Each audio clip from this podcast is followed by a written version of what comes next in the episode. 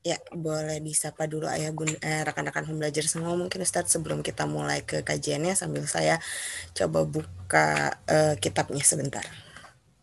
Oke. Okay. Bismillahirrahmanirrahim. Assalamualaikum warahmatullahi wabarakatuh.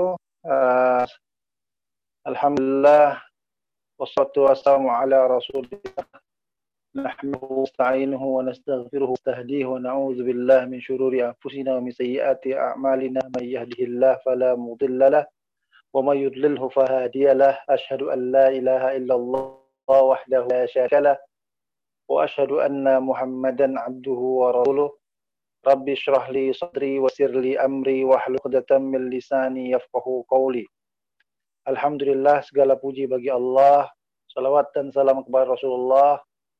Dan terima kasih kepada para uh, saudara-saudari kalian, ikhwan dan akhwat ya yang sudah sudah hadir pada kesempatan ini. Ini Inkan sudah baik lagi ya, sudah balik lagi? Ya, Ustadz sudah kembali lagi uh, Inkan ya. Maaf sinyal, ada kesalahan, ada ini. Oke, okay, apa-apa. Okay. Gimana? Saya teruskan aja langsung ya? Ya, silakan. Silakan, Ustaz. Oke. Okay. Ya mohon maaf kepada Pak hadirin dan hadirat sekalian pada ikhwan dan akhwat kawan-kawan sekalian. Ya, ada sedikit uh, ada sedikit gangguan teknis ya. Ada uh, gangguan teknis. Uh, ada ada sinyal yang yang terhenti tadi. Uh, Alhamdulillah kita sudah uh, tersambung kembali insyaallah. Uh, malam dua malam yang lalu kita masih uh, bicara tentang uh, pen, apa namanya dampak-dampak negatif dari maksiat. Uh, kita bicara tentang bagaimana maksiat melemahkan ya, melemahkan agungan kepada Allah Subhanahu wa taala sehingga orang yang berlaku maksiat, bermaksiat, berbuat dosa, mereka melupakan bahwa sesungguhnya Allah Subhanahu wa taala adalah zat yang maha agung, zat yang maha mulia dan apa dampaknya bagi seseorang jika mereka lupa akan keliaan dan keagungan Allah Subhanahu wa taala, dampaknya adalah mereka akan dihinakan oleh Allah Subhanahu wa taala sebagaimana mereka hinakan Allah Subhanahu wa taala. Jadi Allah Subhanahu wa taala berfirman, "Wa may yuhinillah Allah Subhanahu wa taala maka tidak ada satupun ya makhluk di dunia pun zat dan makhluk di dunia yang bisa memuliakannya. Nah, kenapa? Karena dia dibuat hina oleh Allah Subhanahu wa taala. Kenapa dia sudah dihina oleh Allah Subhanahu wa taala? Karena dirinya sudah dilaskan apa? Sudah dilaskan keagungan Allah Subhanahu wa taala dari hati orang yang berbuat dosa dan maksiat pada Allah Subhanahu wa taala. Uh, dan kemudian uh, dua malam yang lalu kita berhenti di bahasan tentang al-ma'asi tunsil ya.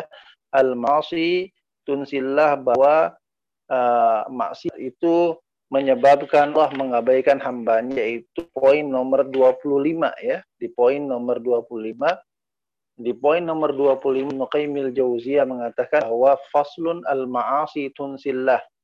Nah, ini adalah bagaimana maksiat menyebabkan Allah mengabaikan hambanya. Ya. Uh, wa min kata Ibnu Qayyim al-Jauziyah, wa min dan cara dampak dosa maksiat adalah annaha ya tastad fi nisyanillahi li'abdi. Ini ini sudah kita baca uh, uh, malam apa dua malam lalu bahwasanya maksiat itu menyebabkan apa? Menyebabkan Allah Subhanahu wa taala mengabaikan dan meninggal meninggal hambanya. Uh, kemudian Qaimil Jauziyah mengutip ya mengutip uh, ayat ke-18 19 dari surat uh, dari surat Al-Hasyr ya, ya ayyuhalladzina amanu taqullaha wal tanzur ma qaddamat lighad wattaqullaha innallaha khairum bima ta bima ta'malun. Pertama, yang pertama adalah ya ayyuhalladzina amanu wahai orang-orang yang beriman. Ittaqullah. Ya, ini ada perintah untuk bertakwa kepada Allah Subhanahu wa taala. Bertakwa itu adalah ya menjalankan perintahnya, menjauhkan dari lainnya. Itu bertakwa kepada Allah Subhanahu wa taala. Ya ayyuhalladzina amanu taqullaha. Kemudian wal tanzur ma qaddamat dan setiap diri hendaknya memperhatikan apa yang telah diperbuat untuk hari esok. Jadi ada apa yang sudah kita siapkan untuk hari esok. Hari esok itu kapan? Yaitu uh, waktu ketika kita berjumpa dengan Allah Subhanahu wa taala. Waktu ketika Allah Subhanahu wa taala berkata kepada kita it's over, selesai, sudah hidup kita sudah selesai. Ya ajalmu sudah datang. Dan ketika kita sudah sudah siapkah kita untuk menyiapkan apa yang kita perlukan ketika Allah Subhanahu wa taala memanggil kita. Kemudian apa? Wattaqullaha Allah bima ta'malun. Kemudian Allah mengulang kata wattaqullaha ya dua kalinya mengucapkan apa? Wattaqullah wattaqullah innallaha bima ta'malun. Takutlah kepada Allah atau bertakwalah engkau kepada Allah. Kenapa? Karena sesungguhnya Allah Maha mengetahui apa yang kamu kerjakan. Khairum bima ta'malun. Bir Maha mengetahui bima ta'malun di apa yang kau kerjakan. Nah, kemudian ini punya. Wala takunu kaladzina nasullah fa'ansahum humul humul fasid dan janganlah kalian janganlah kalian ya berlaku atau uh, buat atau janganlah kalian uh, apa namanya seperti orang-orang yang lupa kepada Allah Subhanahu wa taala. Jadi Allah Subhanahu wa taala melarang kita untuk berlaku, untuk berbuat, untuk uh, mempunyai kelakuan seperti orang-orang yang lupa terhadap Allah Subhanahu wa taala. Kenapa? Karena kalau kita berkelakuan seperti orang lupa kepada Allah Subhanahu wa taala apa? Fa'angsahum anfusahum. Ya, maka Allah Subhanahu wa taala akan menjadikan mereka lupa terhadap diri mereka sendiri. Ya, ini ini ini uh, apa namanya? Ini yang Allah perintahkan kepada kita, jangan sampai kita termasuk ke orang-orang yang lupa kepada Allah. Karena kalau kita lupa kepada Allah, kenapa kita lupa kepada Allah? Karena kita melakukan maksiat kepada Allah Subhanahu wa taala. Ya, karena kita berdosa kepada Allah Subhanahu wa taala. Ketika kita berbuat dosa kepada Allah Subhanahu wa taala berarti kita sudah lupa kepada Allah Subhanahu wa taala. Dan ketika kita lupa kepada Allah Subhanahu wa taala, maka Allah akan abaikan kita. Allah akan abaikan kita ya fa'angsahum. Nah, eh, ketika Allah mengabaikan kita, apa yang terjadi? Kita diabaikan, kita di, ditinggal sendiri oleh Allah Subhanahu wa taala. Ya, karena tidak ada orang pun ya, tidak ada seorang pun yang bisa melindungi kita selain Allah Subhanahu wa taala. Ya. Nah, dalam dalam tadi yang besar sekali bahwasanya Allah Subhanahu wa taala Ibnu Qayyim al-Jauziyah. Nah, ini di, di, diuraikan oleh Ibnu Qayyim al-Jauziyah di paragraf selanjutnya bahwa apa? Allah memerintahkan banyak untuk bertakwa padanya. Ya, kemudian yang kedua, melarang hambanya untuk menyuruh orang-orang lupa kepadanya. Ya. Nah, orang-orang yang lupa kepadanya dan orang-orang yang meninggal takwa kepada Allah Subhanahu wa taala. Nah, kemudian Allah Subhanahu wa taala juga dalam ayat dalam surat Al-Hasyr ini ya mengabarkan bahwa beliau bahwa Allah Subhanahu wa taala akan menghukum orang yang tidak bertakwa dengan menjadinya lupa, lupa apa? Lupa kepada diri sendiri. Nah, ketika seorang lupa terhadap diri sendiri, uh, maka artinya apa kata Ibnu juga orang lupa terhadap diri sendiri artinya dia dia akan lupa terhadap hal-hal yang mendatangkan masalah terhadap dirinya ya hal yang apa namanya hal yang membawa hal terhadap diri seseorang itu adalah hal-hal yang akan membawa orang tersebut lihat ya untuk kehidupan di esok kehidupan di hari esok yang abadi. Ya, Allah Subhanahu wa taala sudah menjikan bahwa hari esok itu abadi. Ya, darul akhirah itu ada darul khulud. Ya. Dan dunia ini adalah apa? Adalah adalah adalah tempat tinggal yang sementara. Ya, sementara akhirat adalah tempat tinggal yang selamanya. Ya, darul khulud kita tinggal di secara secara abadi. Nah, hal yang melupakan di seseorang itu terhadap yang membuat mereka membawa mereka kepada apa kebaikan pada kehidupan dalam kesempurnaan di alam abadi nanti di akhirat nanti. Nah, jadi itu sungguhnya kalau kita memahami, kalau kita membaca dengan merenungi itu diberikan terjemahan itu sudah menjadi satu satu peringatan yang besar buat kita Bayangkan ketika kita dilupakan oleh penting dalam hidup kita. Ketika kita dialihkan oleh orang tua kita misalnya, dan kita masih bergantung kepada orang tua kita, kita diabaikan oleh orang tua kita. Apa yang kita rasakan? Ya, ketika Anda mempunyai seorang guru, kemudian Anda diabaikan oleh guru Anda. Apa yang Anda rasakan? Ketika Anda mempunyai suami, kemudian suami Anda mengabaikan Anda, tidak mendengar Anda, ya, itu menjadi tempat untuk standar. Apa yang Anda rasakan? Nah, bagaimana ketika Allah Subhanahu wa taala membuat kita lupa terhadap Allah Subhanahu wa taala sehingga kita meninggalkan Allah Subhanahu wa taala. Ya. Sehingga Allah Subhanahu wa taala mengabaikan kita. Nah, ketika Allah Subhanahu wa taala mengabaikan kita, ya, tidak ada seorang pun yang akan yang akan menghentikan Allah Subhanahu wa taala. Ini ini uh, ini ini ini peringatan di di aleni lanjutnya yang diberikan oleh Ibnu Jauziyah. Ibnu Qayyim begini. Terkadang Anda melihat orang yang bersiat mengabaikan menyepelekan maslahatannya sendiri. Ya Allah telah menjadikannya lupa terhadap zikir kepadanya, ya. Ia mengikuti hawa nafsunya sehingga bersikap melampaui batas. Kehilangan kemaslahatan dunia dan akhiratnya. Dia lalai akan kebahagiaannya yang abadi dan menggantikannya dengan kelezatan yang paling rendah. Nah, itu itu poin yang besar sekali. Ya.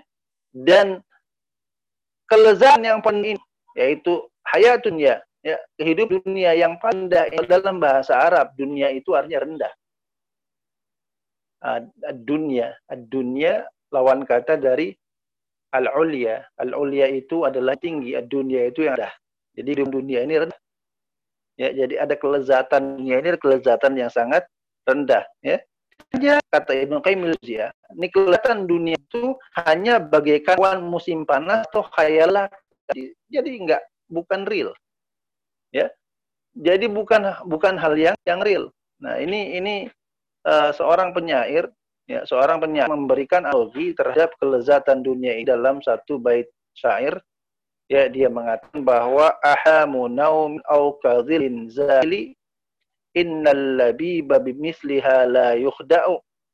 Ya kata syair mengatakan bahwa ahlamu naumin au kadhilli zailin bahwa kezatan dunia atau kenikmatannya itu hanyalah kembang tidur ahlamu naumin au zailin atau bayangan yang semu yang akan hilang dengan sendirinya. Kemudian innal labiba bimislihi la yukhda'u. Sesungguhnya al-labib, sesungguhnya orang-orang yang berakal. Labib itu adalah orang yang berakal. Labib itu artinya orang yang pintar, berakal. Innal labiba bimisliha la yukhda'u. Orang yang berakal itu tidak tertipu dengan hal yang sedemikian. Ya, jadi Uh, Nukaimil Jauzia mengatakan bahwa sesungguhnya dari maksiat-maksiat dosa yang diperbuat oleh seseorang eh, itu ada hukuman besar sekali dan hukuman terbesar menurut Imam Nukaimil Jauzia adalah ketika seorang hamba ya dihukum oleh Allah Subhanahu wa taala untuk melupakan diri sendiri melupakan dirinya sendiri, menyepelekan diri sendiri dan mengabaikan dan apa? mengabaikan bagian haknya di sisi Allah Subhanahu wa taala terkadang kita tipu. Melihat orang yang tidak tergoda dengan dunia, yang rela mendapatkan penghasilan yang pas-pasan satu bulan, tetapi menjaga lima waktu masjid misalnya, ya, tetapi berbuat ya sangat warak, warak itu adalah menjaga diri yang haram, ya, kemudian hanya menghasilkan uh, uang receh, hidup pun pas-pasan kita melihat orang ini sebagai orang yang tidak tidak dianggap, ya kita bahwa bisa jadi orang ini ya sudah membeli dunia dengan beli dunia dengan akhirat. Ini artinya apa? Artinya sudah selesai urusan dunianya. Ya, dia tidak peduli dengan urusannya karena dia paham bahwa apa? Bahwa dunia ini bagaikan bunga tidur, ahlamu naumin, bagaikan bunga bunga tidur. Ya. Nah, nah ini kita terkadang tipu dan kita melihat pelaku maksiat itu hidup enak-enak kali ya uh, karena tidak ada tidak ada halal haramnya mungkin uangnya pun banyak sekali dengan yang dia mau ya tanpa tanpa rules tanpa tanpa peraturan dan lain sebagainya tanpa ikatan lain sebagainya ya bisa menikmati apa saja yang nikmat bisa membeli apa saja yang bagus dengan uang yang tidak triliun triliun triliun tidak terhingga ya kita menyangka bahwa uh enaknya hidupnya kita lupa bahwa sebenarnya orang tersebut ya bisa jadi orang tersebut adalah orang yang sudah melupakan dirinya dari hal yang lebih maslahat. Apa yang lebih maslahat? Nah, yaitu apa? Yaitu hidup setelah untuk surat Al-Hasyr Allah Subhanahu wa taala mengatakan bahwa wala takunu kalladzina nasu anfusahum. Jangan seperti mereka. Jangan seperti mereka orang yang apa? Yang melupakan Allah. Dan akibatnya ketika kita berbuat seperti orang yang melupakan Allah, maka fa'annahum anfusahum. Maka kita akan lupakan diri kita sendiri. Akhirnya diri kita sendiri kita sekan. Akhirnya maslahat kita dunia itu disepelekan. Ya. Jadi jadi ini ini apa namanya Ibnu Qayyim al-Jauziyah di sini punya satu ungkapan yang baik sekali. Dia katakan gini, ya. Segala sesuatu yang engkau sia-siakan terdapat penggantinya, ya. Tetapi jika engkau sia-siakan Allah, tidak ada penggantinya. Ya. Ini ini besar sekali. Ini Ibnu Qayyim al-Jauziyah yang menukil dari dari dari dari satu syair ada satu syair mengatakan min kulli syai'in idza dayyatahu iwad wa min Allah in dayyatahu iwad. Ya, dikatakan bahwa segala sesuatu yang engkau sia-siakan dalam hidup kita, apa saja yang sudah sudah kita sia-siakan, terdapat penggantinya. Ya. Tetapi apa? Tetapi jika kita menyia-nyiakan Allah Subhanahu wa taala, menyia-nyiakan kesempatan yang Allah berikan, menyia-nyiakan ketakuan kepada Allah Subhanahu wa taala, ya, tidak ada penggantinya. Dia dan isinya itu ada penggantinya. Kita hilang uang satu juta akan ada penggantinya. Kita orang orang yang kasihi akan hil akan ada penggantinya. Ya, cepat atau lama akan ada penggantinya. Ya, tetapi apabila kita hilang Allah Subhanahu wa taala, apabila kita kehilangan cinta kepada Allah Subhanahu wa taala, apabila kita kehilangan rasa takut dan takwa kita kepada Allah Subhanahu wa taala itu enggak ada penggantinya, enggak bisa dibeli, Saudara. Ya. Tidak tidak bisa dibeli. Nah, ini ini uh, di dalam uh, di dalam alinea berikutnya Ibnu Qayyim mengatakan Allah kuasa memberikan segala sesuatu dan tiada sesuatu pun yang mampu menggantikannya. Ya, jadi Allah itu punya kekuasaan untuk menggantikan kita, menggantikan segala sesuatu yang kita yang kita yang kita apa namanya yang yang hilang dari kita.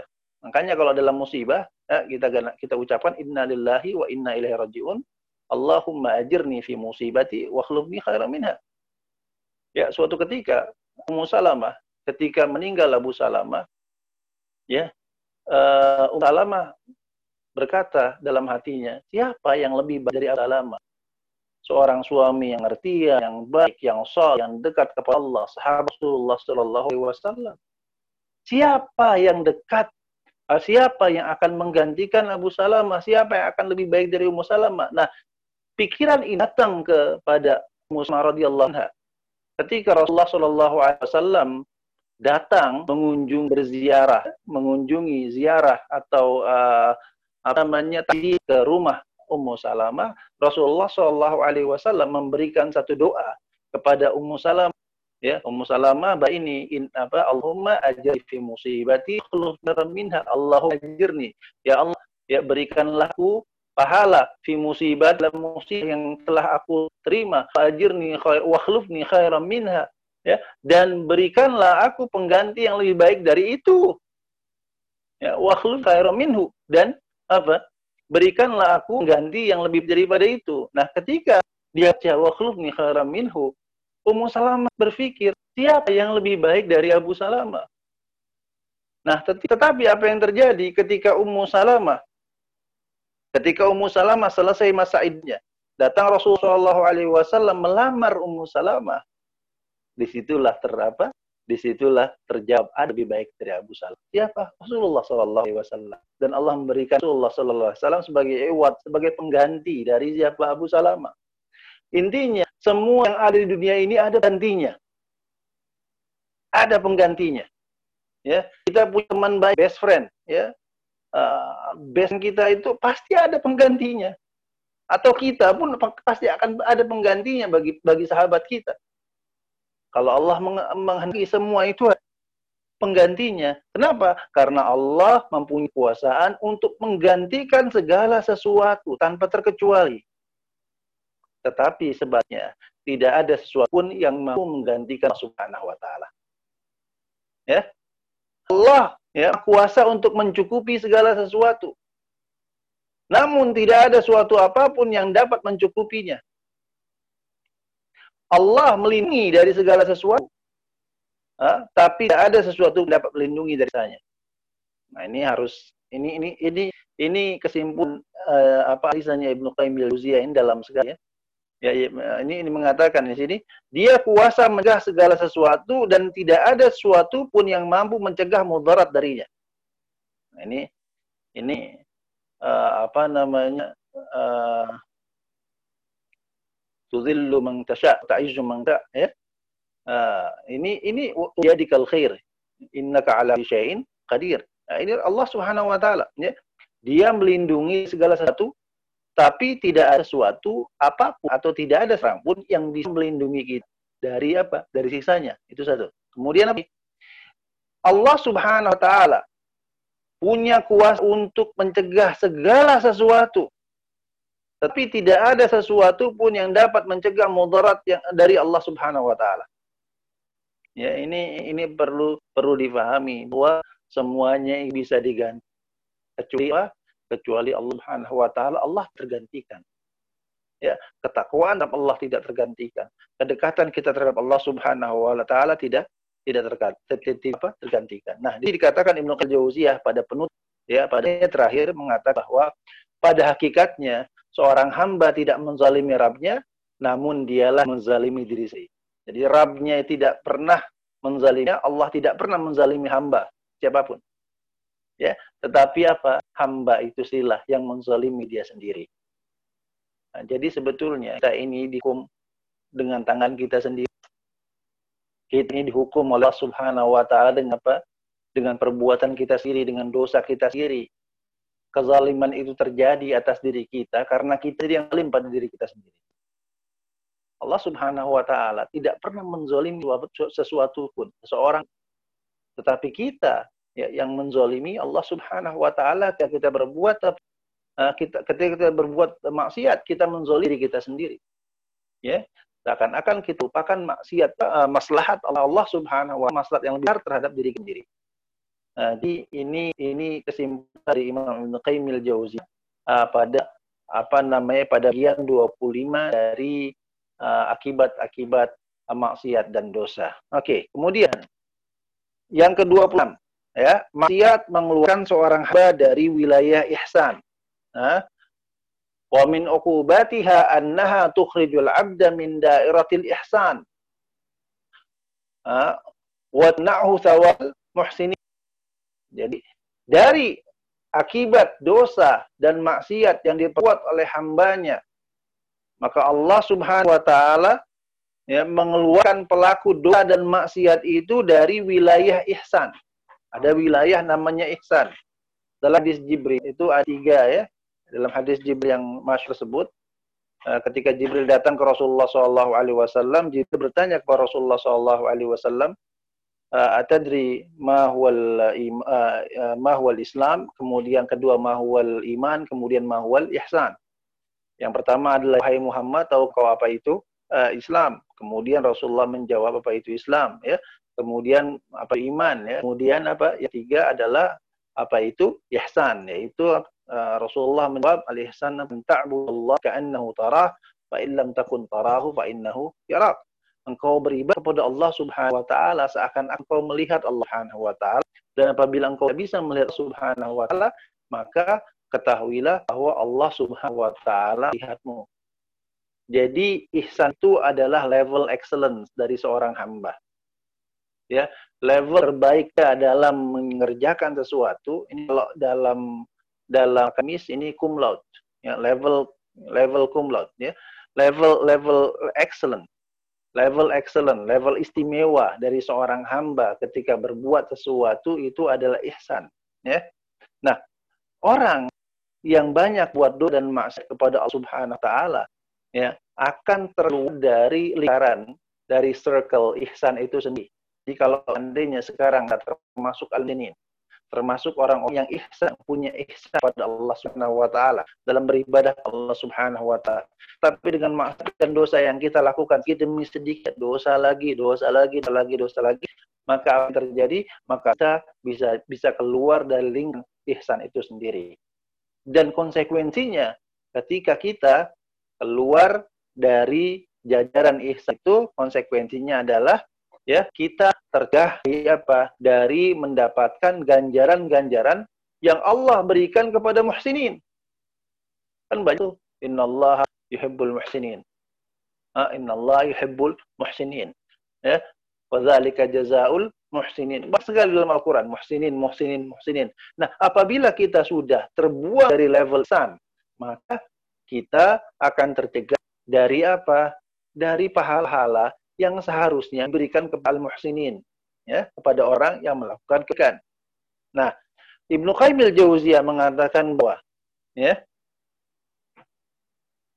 sungguh jika ihsan itu berinteraksi dengan hati. Nah, ini, ini jika ihsan itu berinteraksi dengan hati, niscaya ia akan mencegah hati dari kemaksiatan. Jadi si ihsan dalam hati kita, kalau ada ihsan dalam hati kita, ihsan itu tadi yang mencegah kita dari apa? Dari kemaksiatan. Kenapa? Karena kalau kita di level ihsan itu kita di level bahwa kita melihat Allah ketika beribadah. Ya. Dan kalaupun kita tidak melihat Allah, ya kita ada sense, ada perasaan bahwa kita dilihat Allah Subhanahu wa taala. Kita nggak perlu CCTV. Ya. Nggak perlu CCTV. Kenapa? Karena CCTV besar lihat kita yaitu apa itu ilmu Allah Subhanahu wa taala ada malaikat ya. Nah, nah uh, ketika ketika ihsan itu ada di hati seseorang, maka ihsan itulah yang akan menter seseorang, yang akan mencegah seseorang, yang akan menjadi pelindung seseorang dari apa? Pelindung dari kemaksiatan. Karena perlindungan dari ihsan itu, maka orang tidak akan bermaksiat ke Allah Subhanahu wa taala. Oke, nah ini dikatakan oleh Ibnu Jauziyah Tidaklah seseorang menyembah Allah seolah-olah dia melihatnya, melainkan karena hatinya dikuasai oleh zikir, rasa cinta, dan harap kepadanya seakan-akan dia benar-benar menyaksikan. Ya, Hal ini menghalangi dari keinginan bermaksiat. Nah, kita sudah bicara beberapa minggu yang lalu tentang apa? Tentang uh, namanya fase fase orang dosa dan maksiat. Ya, fase yang pertama itu adalah khatirah. Ya, ada bisikan. Kemudian ada ada iradah. Nah, ihsan dia akan bekerja di mana? Di fase khatirah iradah. Ya, di fase pertama. Di fase apa? Di fase ketika orang terfikir untuk berbuat maksiat. Ya, kemudian ihsan dan untuk menapisnya. Nah, apabila tidak bisa menapis itu, dia keinginan untuk apa? Untuk berbuat maksiat. Nah, ada keinginan untuk berbuat maksiat. Nah, yang itu menghalanginya untuk apa? Mempunyai keinginan untuk berbuat berbuat maksiat. Nah, apabila dia ya, apabila dia ter apa apa namanya terhang dari keinginan ya, keinginan untuk berbuat maksiat maka kata Ibnu Qayyim al-Jauziyah ya wa dzalika yahul bainahu wa bainal ma'si wa bain iradil ma'siyah fadlan an muwaqa'ha jadi ya itu malanginya dari keinginan bermaksiat keinginan saja. Apalagi dari mengerjakan maksiat. Jadi ingin aja lah nggak pengen. Sama sekali. Ya dalam banyak mungkin kita begitu orang-orang banyak begitu. Nggak pernah pengen pada sesuatu hal. Misalnya misalnya contoh ya. Nggak pernah. Itu karena orang biasa sudah lingkungan lingkungan Islam uh, apa namanya uh, membesar di lingkungan-lingkungan orang-orang Muslim. Dari kecil juga masuk pengajian kajian ke kajian. Biasanya orang yang demikian itu ya. Orang yang demikian itu contoh ya nggak pernah data di otaknya itu untuk makan daging misalnya. Nggak pernah. Ya. Datang ke otaknya aja nggak Nah itu. Nah coba bayangkan jika ihsan itu sudah masuk semua sama maksiat, semua hal-hal yang diharamkan Allah Subhanahu Wa Taala. Makin banyak siat yang dilakukan oleh seseorang, maka makin sedikit ihsan yang ada di hati kita. Kenapa? Karena terbukti bahwa tidak ada imunitas lagi. Kenapa tidak ada imunitas? Karena masih bisa berbuat maksiat dan dosa kepada Allah Subhanahu wa taala. Jadi ini fungsi daripada ihsan itu sendiri. Jadi ihsan itu menghalangi seseorang dari keinginan untuk berbuat maksiat. Ya, apalagi dari apa? Dari maksiat sendiri. Nah, ini kemudian apabila orang mukmin keluar dari wilayah ihsan, maka dia kehilangan persahabatan dan kebersamaan dengannya dengannya yang, yang sifatnya khusus dan terasing dari kehidupan mukminin yang menyenangnya, yang menyenangkan serta kenikmatan mereka yang purna. Jadi uh, apa namanya? Ihsan itu kan orang muhsin itu itu bagaikan mempunyai persahabatan, ya. Bagaikan satu grup yang sangat indah sekali.